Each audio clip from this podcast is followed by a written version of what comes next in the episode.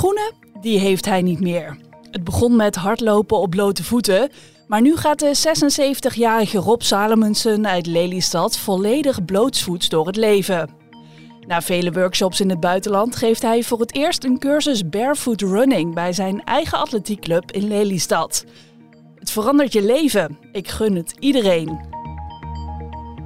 Je luistert naar Moet je horen, waarin we bijzondere verhalen van de Stentor aan je voorlezen.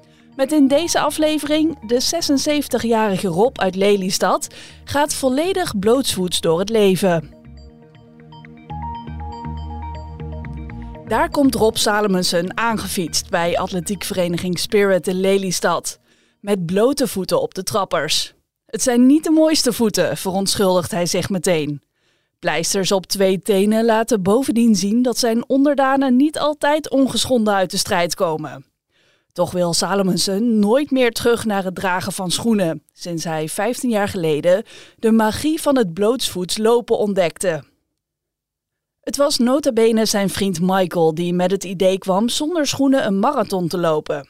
Interessant experiment, dacht de Lely-stedeling die er al talloze marathons op loopschoenen op had zitten. Zo gezegd, zo gedaan. De vriend haakte na een paar kilometer af, Salomonsen liep door. En was gegrepen. Verdiepte zich in de techniek erachter en besloot er zijn missie van te maken om ook anderen te enthousiasmeren. Waarom zou je eigenlijk je comfortabele hardloopschoenen aan de wil hangen en op blote voeten verder gaan? Vooral omdat het beter is voor je lijf, betoogt Salomonsen. Het lijkt alsof je op blote voeten veel harder neerkomt dan op dempende loopschoenen, maar dat is niet zo. Tenminste, als je de goede techniek gebruikt, want dat is wel essentieel. In mijn optiek is ons DNA verpest door schoenen en zijn we de natuurlijke wijze van lopen verleerd.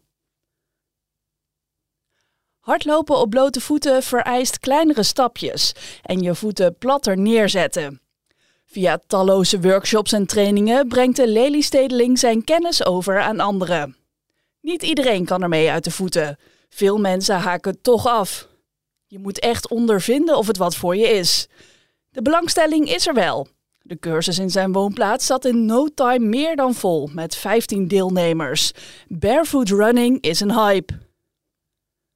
Onder barefoot running valt ook het lopen op minimaal schoeisel, zoals teenschoenen.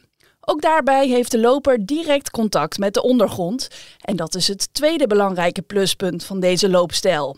Door op schoenen te lopen verdoof je het contact met de wereld onder je. Blootsvoets is elke stap een nieuwe ontmoeting met de aarde. En je let automatisch beter op.